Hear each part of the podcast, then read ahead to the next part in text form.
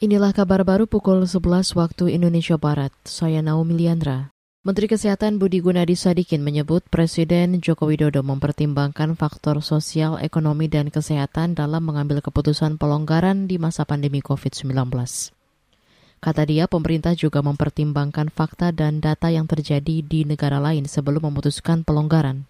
Nah kita bicara di dalam dan Bapak Presiden sih sangat balance ya orangnya ya. Beliau bilang ya kita melihat faktor sosial, ekonomi, tapi juga kita harus mempertimbangkan faktor kesehatan. Ya. Sehingga apa langkah yang kita ambil menurut saya adalah langkah yang balance. Itu tadi Menteri Kesehatan Budi Gunadi Sadikin. Indonesia tengah mempersiapkan sejumlah pelonggaran, salah satunya penghapusan aturan karantina bagi turis asing mulai 14 Maret nanti. Sementara itu, kasus COVID-19 harian di Indonesia kemarin bertambah 37 ribu kasus dengan 230-an kematian. Jawa Barat, DKI Jakarta, dan Jawa Timur menjadi tiga provinsi penyumbang kasus harian COVID-19 terbanyak. Komisi yang membidangi agama DPR meminta Kementerian Agama menambahkan satu klausul kearifan lokal terkait aturan mengenai pengeras suara di masjid dan musola. Menurut Ketua Komisi yang membidangi agama DPR Yandri Susanto menilai, surat edaran Menteri Agama yang mengatur penggunaan pengeras suara di masjid dan musola bertujuan baik.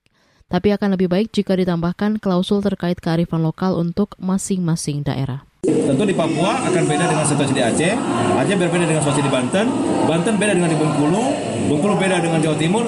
Nah, ini yang mungkin eh, nggak uh, tahu nanti Pak Dirjen atau Pak Menteri menambahkan satu klausul sehingga ada semacam kearifan lokal.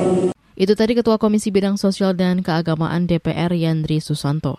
Sementara itu Dirjen Bimas Islam Kementerian Agama Kamarudin Amin sangat mengapresiasi dan akan segera membahas usulan DPR itu.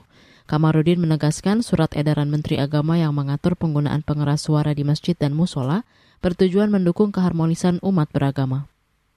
Kita ke berita daerah. Saudara, jenazah delapan pekerja korban penembakan kelompok kriminal bersenjata KKB di Kampung Dambet, Distrik Beuga, Kabupaten Puncak, Papua akan dievakuasi hari ini. Juru bicara Polda Papua Ahmad Mustafa Kamal menyebut kemarin evakuasi tidak bisa dilakukan karena kendala cuaca. Selain itu, lokasi kejadian penembakan hanya bisa dijangkau dengan menggunakan transportasi udara saja. Sementara itu, juru bicara Komando Daerah Militer 17 Cendrawasi Aksa Erlangga mengatakan, usai menembak delapan pekerja jaringan telekomunikasi, personil KKB lanjut menyerang pos Koramil Dambet di distrik Beoga. Pos Koramil itu berjarak 15 km dari kamp pekerja jaringan telekomunikasi yang sehari sebelumnya juga mereka serang. Akibat penyerangan pos Koramil Dambet itu, seorang prajurit TNI bernama Herianto terkena tembakan pada bagian leher dan korban akan dievakuasi ke Kabupaten Timika untuk perawatan medis.